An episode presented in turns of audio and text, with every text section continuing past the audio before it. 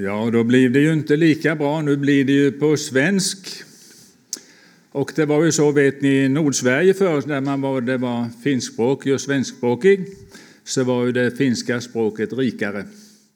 Så var det en predikant som var svenskspråkig och hade en dålig preken, så var han ju undskyld. Han snackade bara svensk. Så nu vet ni det. Vi ber.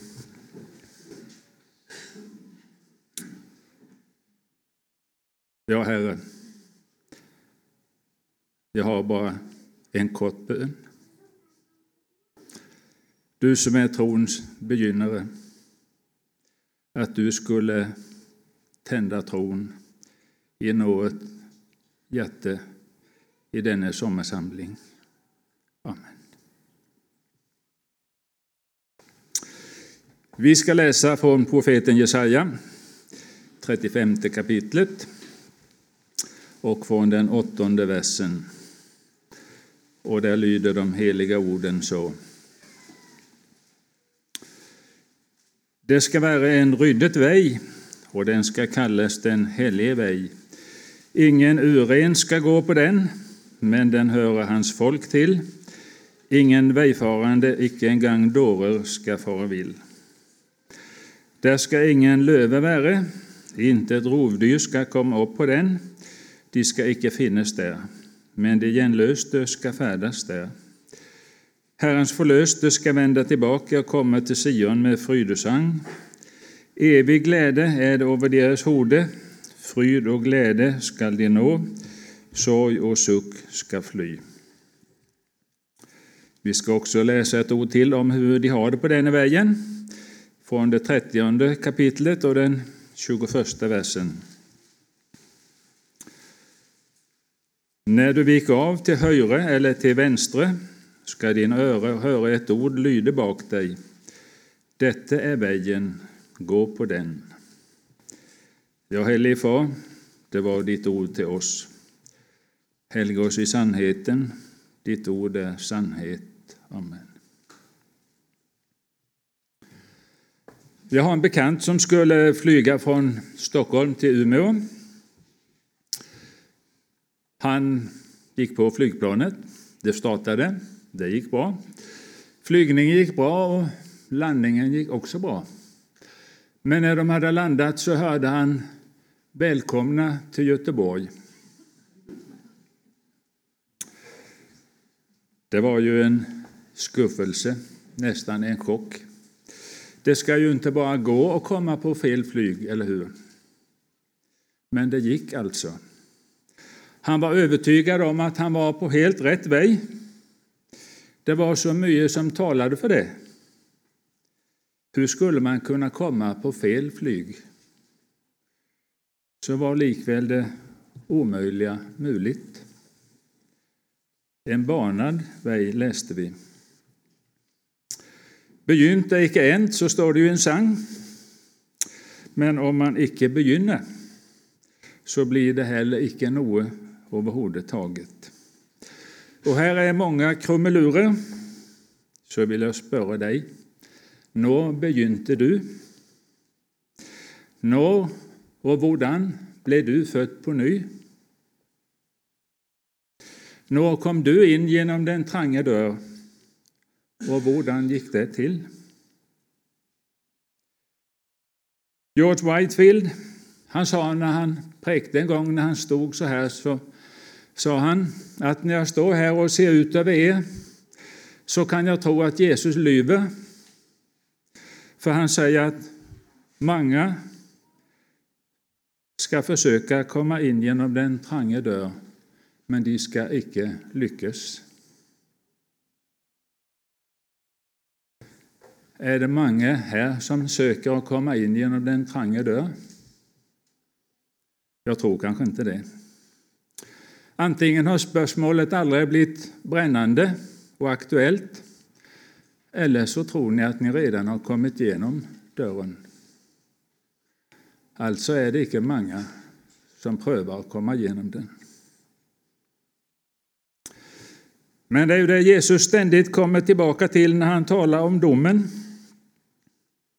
Många ska säga till mig på den dagen, Herre, Herre, har vi inte profeterat i ditt namn, drivit ut onda andar i ditt namn och gjort många kraftgärningar i ditt namn?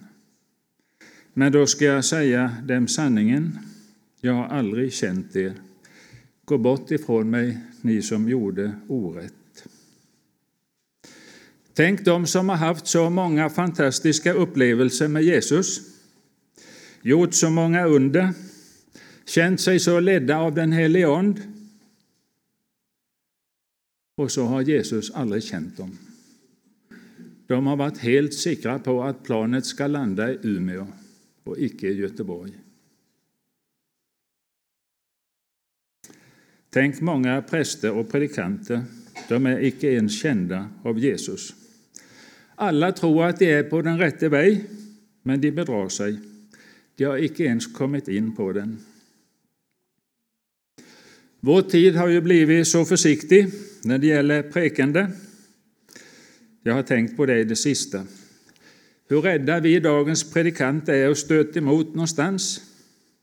Runda, avslipade kanter, det är kännetecknet på dagens predikanter. Lunkarna skulle väl Jesus kalla det.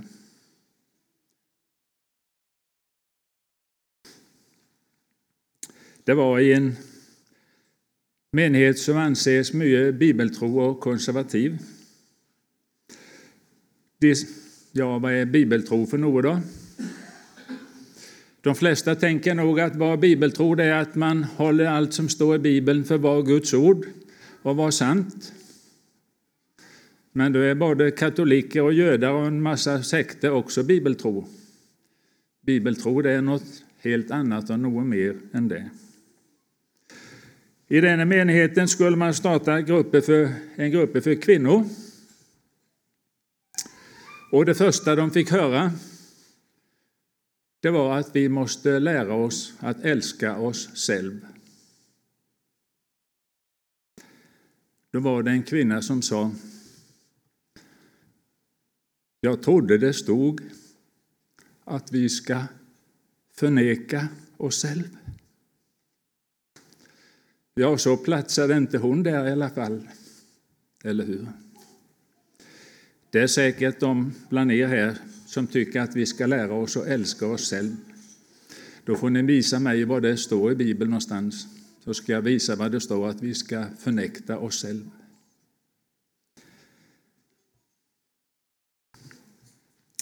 I den lästadianska rörelsen där var det så ungefär fram till 1950. Där lärde man att alla må födas på ny. Även de barn som växte upp i kristna hem med en kristen fostran. Alla. Men så senare delen av 1900-talet så blev det så, i synnerhet i, på den finska sidan, att ingen behöver födas på ny. Ja, de som kommer utifrån och är hedningar förstås. Man har en barndomskristen teologi. Ingen som växer upp i rörelsen behöver födas på ny. Man får överhuvudtaget nästan inte nämna namnet. För då skulle ju någon kunna börja undra, född på ny, ska man vara det också? Det kanske jag inte är. Det skulle kunna bli kaos. Det är ju så när en väckelserörelse är ny och varm, då är ju ofta det är ett aktuellt samtalämne om nya födselns erfarenheter. Men ju mer en rörelse kallnar och stelnar, ju mindre intresse har man av detta och ju mindre snackar man om detta. Det har liksom kommit bort. Vi vet ju att det finns lite olika mönster i olika väckelserörelser. Det finns ju de som man liksom alltid har fått ett lösenord man har kunnat ställa spörsmålet till varandra, vad var det för ord som löste dig? I den lästadianska rörelsen där gjorde man bättring i menigheten. Man bekände sin synd inför alla och så fick man tillsagt sig förlåtelsen. Så var man född på nytt. Men det var ingen självklarhet. För så sporde man Erfar du den helige Ande, eller fick du den helige Ande? Det är alltså inte självskrivet. Bara för att man bekänner några synder har man blivit född på ny. Det kanske bara var några synder som tyngde. Senare under 1900-talet så spårade man också, men då hade man ett annat spörsmål. Då spårade man så här. Gick det rätt till? Ja, så var det bra. Då har man bara gjort ett mönster, ett yttre skall, och bara man följer det så är allt bra. Jag vet att jag är en syndare och Jesus är syndares frälse. Men det föder mig inte på nytt automatiskt. Förr sa man ju att den som inte har Peters och Paulus erfarenheter, den är ännu icke född på ny. Porten är trang. Så trang att icke ett människa kan komma igenom den i egen kraft. Det hjälper inte att jag bestämmer mig, hur viktigt än det är. Men redan där sviktar ju många. Man är berörd, man är så nära. Ska jag lämna mig till Jesus? Ja, men inte just nu. Jag vill inte erkänna att jag är utanför och så kasta mig ut på 70 000 famnars djup. Jesus han frälser inte den som kan frälsa sig själv.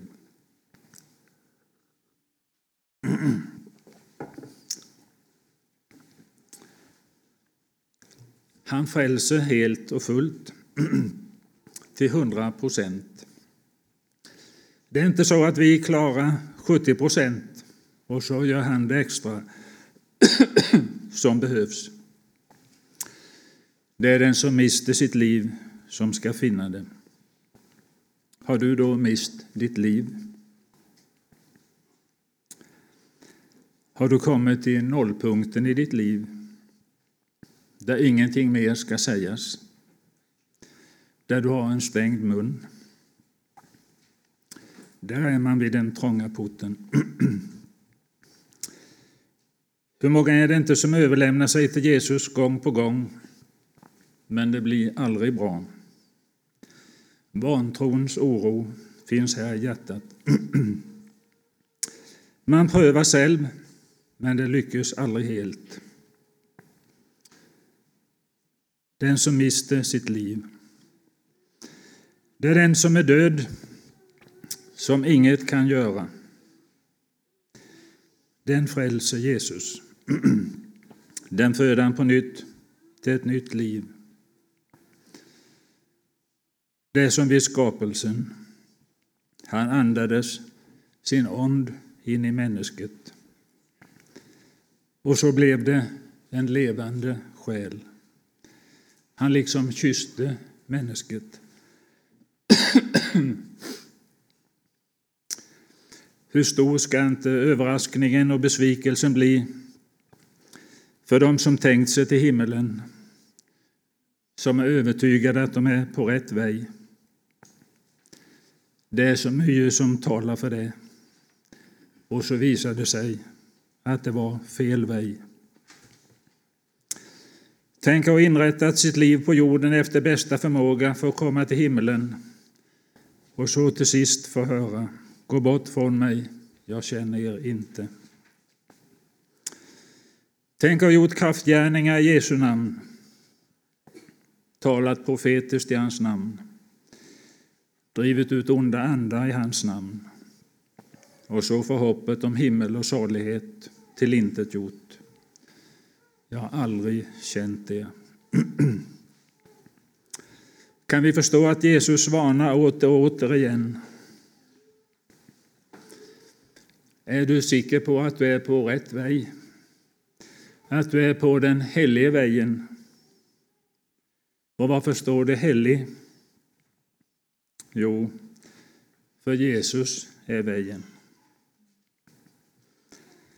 Att man är fokuserad på vägen, är ihärdig och noggrann, ärlig. Det är ju bra egenskaper om du använder rätt väg. Om du använder dem på fel väg, som de som har drivit ut onda i Jesu namn och preket och så vidare, då hjälper det inte att vara ihärdig och noggrann.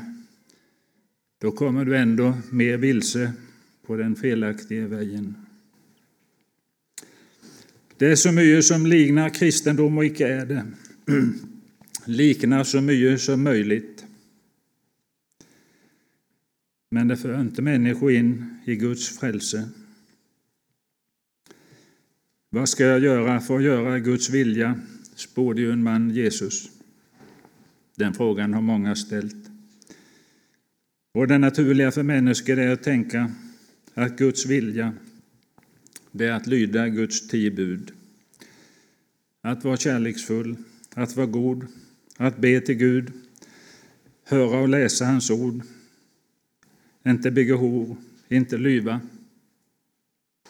Vi respekterar ju människor som lever så. Men det är inte sannheten. Med sådana gärningar blir inte Guds vilja gjord. För Guds vilja det är att vi kommer till tro på Jesus.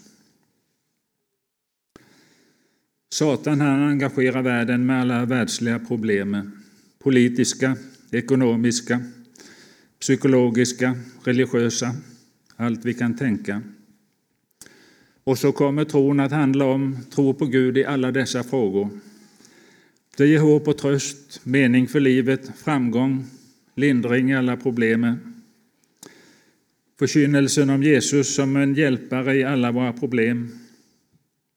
Men allt bara för att dölja Guds vilja.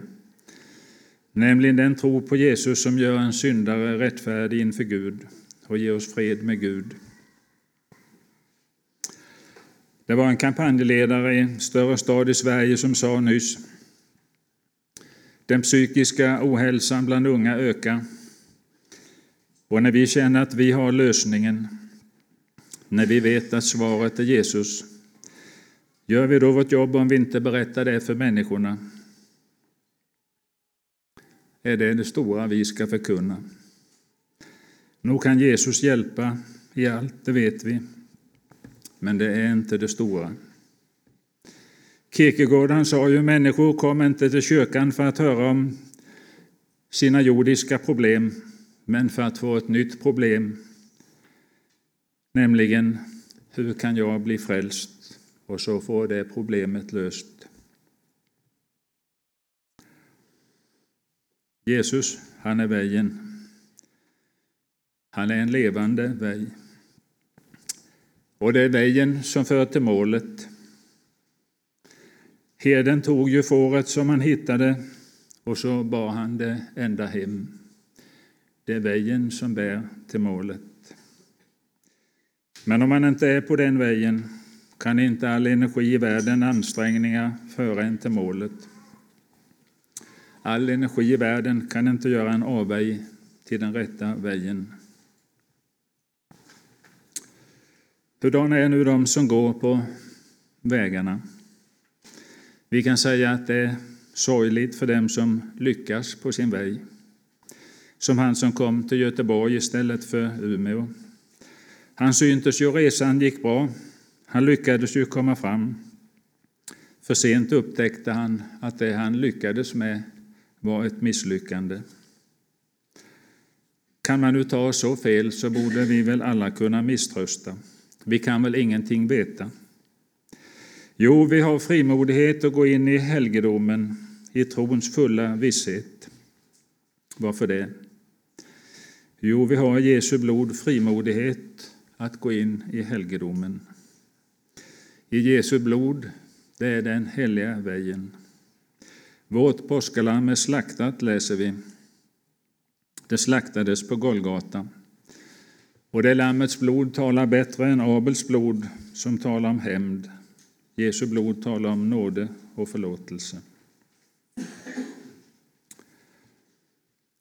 Guds är levande och kraftigt, skarpare än något svärd.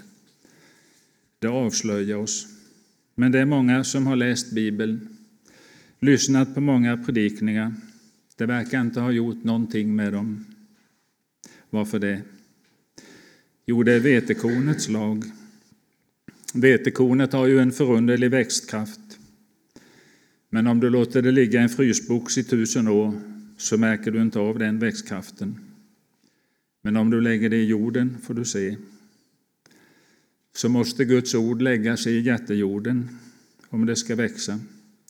Du kan inte bara sitta här och lyssna med dina öron och tro att det ska göra något. Det måste komma till ditt hjärta. Aposteln säger i Kolosserbrevet, vi har förlossning genom hans blod. Det måste komma till vårt hjärta. Och vad då förlossning, så fortsätter han, nämligen syndernas förlåtelse. Han är försoningen för våra synder, inte bara för våra, utan för hela världens. Och så läser vi Hebreerbrevet, där det är förlåtelse för synderna. Där behövs inte mer något offer för synd. När vi Jesu blod har frimodighet, vår skuld är betald, vi är skuldfria. Som psalmisten säger det, snaran gick sönder och fågeln blev fri. Du kan känna den glädje som den fågeln har när den flyger iväg. Men har du inte suttit i snaran, då har du heller aldrig upplevt den glädjen. Du kanske jämför dig med andra framgångsrika kristna. Om jag bara var, var så som de skulle jag ha frimodighet. Om jag var som Paulus kanske, då skulle jag vara frimodig. Och så tänker du alltså att Paulus var frimodig för att han var nöjd med sig själv. Han hade ju varit det en gång. Han hade lyckats på sin resa men istället för att komma till Umeå kom han också till Göteborg. Han hade hållit Guds lag och han hade lyckats, tyckte han. Han hade ett helt gott samvete. Men så säger han allt det som förr var en vinst för mig, det räknar jag nu som en förlust för Kristi skull. Förlust talar ju inte riktigt om hur illa det är. Först stod det på svenska skan, men vi skulle väl mer översätta det med gödsel eller skit. Tänk när Paulus står inför Gud med famnen full av goda gärningar och så öppnas hans ögon och så ser han att han står där med skit som han ska ge Gud. Du kanske också hört att du är så värdefull, men när dina ögon öppnas så ser du att du står där med dig själv och det är bara skit inför Guds ögon. Det är det som ska hända vid domen. Lycklig är den som har fått se det här i tiden. Det är bara Jesu blod som gäller inför Gud. Ja, vad annat skulle då ge oss frimodighet? Jo, det är ju det Bibeln talar så mycket om. Var de fördömda har sin frimodighet. Det är frimodighet i vad jag gör. Det är det som är som gödsel inför Gud. Jag har gjort, jag har omvänt mig, jag har kommit till Jesus. Det är jag och jag och jag. Vi kan tänka oss ett människa som vaknar upp och ser sin synd. Vad ska jag göra? Ja, svaret är väl klart. Jag ska omvända mig. Sluta synda, vandra en annan väg än hittills, så blir det bra. Det kan vara fantastiskt att vakna upp från ett helt sekulariserat liv och få se en underlig verklighet. Man får ofta syn på sitt yttre gudlösa levande. Men så försöker man leva efter Guds bud, söker sig till en kristen gemenskap, lever ett annat liv, men utan liv egentligen. Man lever bara på ett nytt sätt. Och det är det så sorgligt att den som lyckas med sitt liv, den tror att Gud är nådig mot honom. Inte att han är syndfri, för det är ju ingen. Alla dras ju med synd. Men i samma mån som livet blir annorlunda så växer frimodigheten och så blir människan omvänd, men inte till Jesus utan till sig själv och sina gärningar. För omvändelsen lyckas nämligen någorlunda så att människan genom kamp och striden då kan tro att jag är ett Guds barn och så har jag frimodighet. Detta är olyckan. Att omvändelsen lyckades. Så annorlunda det var för Paulus. Det gick ju tvärtom för honom. När han ville följa Guds heliga lag och vilja så dog han. Synden segrade och jag dog, säger han. Han blev inte mer from och mer kristen, tvärtom blev han död. Det är helt annorlunda än med många som blir mer och mer omvända. De lägger bort den ena synden efter den andra och så får de mer och mer frimodighet. Detsamma jag som hos Paulus dog, det blir hos andra omvänt och gudaktigt och troende. Men varför dog inte jaget? Det svarar profeten Jesaja på. På din långa färd blev du trött, men likväl sa du inte jag ger upp. Du fann ny kraft i din hand, därför blev du inte svag. Det är den egna vägen. Varför undgick de döden?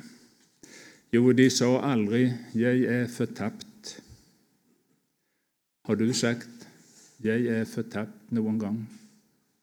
där icke något mer ska tilläggas bara det. Eller har du kämpat vidare, förbättrat dig, din bibelläsning, ditt bön, ditt vittnande, när oron kommer i hjärtat? Men de blev aldrig riktigt förtvivlade över sig själv. De lyckades ju lite och så gav de aldrig upp, fann alltid ny kraft. Jag ska skärpa mig, göra mer gott. Jag ska kämpa mer mot synden. Jag ger aldrig upp. Vi har ju lärt oss det i livet. Vi får inte ge upp, kämpa vidare. Och så tror vi att det är detsamma med frälsen. Det är stor forskel att bli omvänd från världslighet till egna gärningar och bli omvänd till Jesus, till tron på blodet. Den frimodighet som kommer av Kristi blod den är som en lilja som bara växer på ett enda ställe. Den växer bara på ruinerna av vårt eget jag. Och denna frimodighet är den enda som icke bleknar när Jesus kommer igen. För jeget har dött, jag dog. Och så har jag bara frimodigheten i Jesu blod. Och så kan jag med frimodighet gå fram till nådens tron.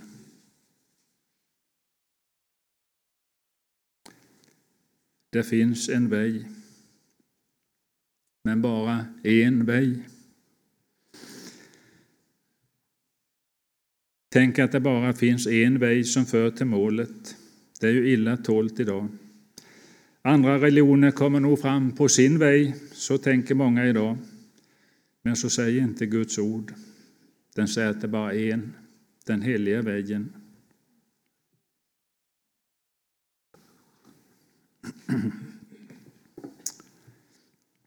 Ja, så är det bara en sak som kan ge oss frimodighet att gå på himlavägen. Men nu vandrar ju så många så frimodigt på alla andra vägar än den rätta som vi har talat om. Mer eller mindre lyckade vägar. Men det ska icke hindra Guds barn att se vad som ger dem rättighet och frimodighet på vägen till himmelen nämligen det att Jesu blod, försoningsblodet, är burat in i det allra heligaste himmelen till förlossning och frälsning för förtappta syndare. Syndare som icke har lyckats. Är det så att du inte har misslyckats med din frälse, så be Gud att du må misslyckas. Be om den nåden Vi ska alltid påminna oss att trons fötter, de ska inte ha fäste i något vi själva gör eller har gjort. Icke heller på det Guds nåd kan verka i våra liv som i katolska kyrkan. bygga på den kärlighet som Guds ande kan verka i vårt hjärta. Vi ska inte stödja oss det minsta på något hos oss själva. Och hur svårt är icke det, men det är det som är den smala, heliga vägen. Att vi har frimodighet i Jesu blod. Här är vägen, vandra på den. Sen får vi säga några ord om det sista bibelstället. Och vare sig du viker av åt höger eller vänster ska dina öron höra detta ordet bakom dig. Här är vägen, gå på den. Den helige Ande vill leda dig på vägen. Här är vägen, gå på den. Ja, han ska leda dig också genom de små synderna som verkar så obetydliga. De stora ska vi akta oss för. Men allt det där smårusket och jag vet inte om ni har läst när Jeff Lövgren berättar om mannen som fick ett politiskt parti att köra honom till vallokalen, men där röstade han på ett annat parti. Det plågade honom när han skulle dö. Så ska allt som läggs på samvetet göras upp. Han berättar också om en predikant, det är ju ett tag sedan. Det, han var på en ö och präkte och därifrån gick det ju en färja. Och det var som sagt inte igår, det kostade 15 öre med färjan. Man hade nyss höjt priset och öborna de ville inte betala mer än 10 öre som förut så de strejkade, de betalade bara 10 öre. Och rederiet de liksom godtog det tills vidare. Och när han åkte in till stan så han tyckte det var lite, skulle han betala mer än de andra? Inte för det gjorde någonting, för han fick ju resutgifterna betalda. Men ändå var det lite retligt om han skulle ge 15 öre när de andra gått 10. Så han gav ju 10. Men nästa dag så var det en annan konduktör och så gav han sin tioöring. 15 öre tack, sa konduktören, så fick han plocka upp en femöring till. Han tänkte inte på detta. Men så blev han allvarligt sjuk fick feberfantasier, låg hallucinerade och så hade han en dröm. Han såg en strålande by, men för att komma dit så var han tvungen att gå över en bäck. Och som bro över den bäcken låg det en stor femöring. Men den låg så ostadigt. Men han tänkte, går jag försiktigt så kommer jag över. Och så gick han ut på den. Men den vippade till och så plumsade han i. Och så vaknade han. Krisen var över. Men det första han sa när han vaknade var att jag kom inte över femöringen.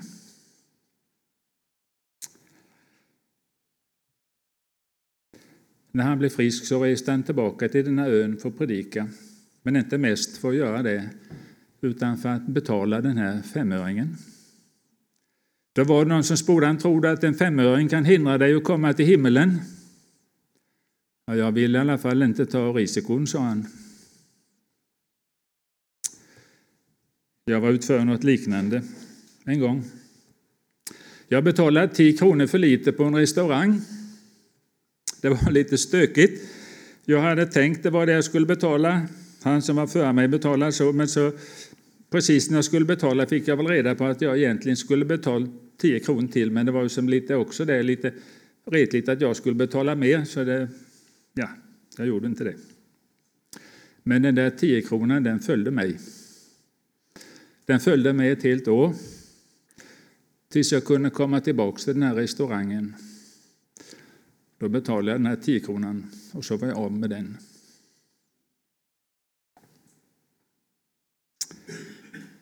Jag kände en man som eh,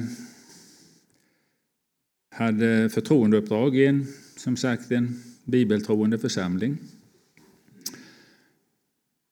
Han eh, blev väckt, fick se att han var utanför Guds rike, han var på fel väg. Och så blev han född på ny. Och så var det ju så att eh, det var ett företag där man hade mycket maskiner. Alla de anställda de bytte olja på sina privatbilar där. Det var ju gratis. Men när han var född på ny så fick han gå till chefen och säga att jag har stulit er olja och tagit den i min bil. Detta är vägen, vandra på den. Du ska höra ordet bakom dig säga. Detta är vägen, vandra på den. I vardagen. Det var en kvinna som var lyckligt gift, hade man och barn. Så kom det en annan kvinna och tog hennes man. Hon hatade den här kvinnan. Det ska man ju inte göra.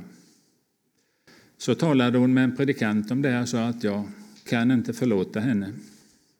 Då föll de på knä. Och så läste de när Jesus bad för dem som spikade honom på korset. Och så sa hon, kunde Jesus förlåta dem så kan jag förlåta den här kvinnan. Och så gick hon till den här kvinnan dagen efter. Vad tror du hon sa till henne för någonting? Sa hon att jag förlåter dig? Hon sa förlåt mig för att jag har hatat dig. Detta är vägen. Vandra på den. Vad har du att göra med andra synder? Du har dina egna. Jag har också tänkt detta med slavinnan Haga, Saras slavinna. Hon ägde ju ingenting, hon ägde inte sin kropp, hon ägde inte en minut av dagen. När hennes ägare ville så kunde hon skänka bort henne som bihustru till Abraham. Barnet som skulle födas skulle inte vara hennes, det skulle vara Saras. Så föraktade hon ju lite Sara när hon såg att hon blev med barn, som ni kanske minns. Och Sara blev hård emot henne. Och då rymde hon. Och så mötte hon Herrens ängel i öknen. Som frågade Saras tjänstekvinna, varifrån kommer du, vart är du på väg? Och så berättade hon att hon hade flytt. Och Herrens ängel säger till henne att du ska gå tillbaka och ödmjuka dig under Sara. Och det är så fantastiskt för Hagar när hon går därifrån. Hon har ju mött Jesus, Herrens ängel, i Gamla testamentet. Jag har mött honom som ser mig, säger hon. Och så går hon glad tillbaka. Vad tror du hon säger till Sara när hon kommer tillbaka? Ja, vi läser inte det. Men jag tror inte hon kommer och säger till Sara att jag förlåter dig. Jag tror hon kommer och säger förlåt mig för att jag rymde. Detta är vägen. Vandra på den.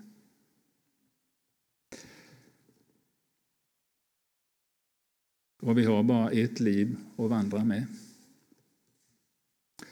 Du har bara ett liv, ni som är unga och ni som är äldre.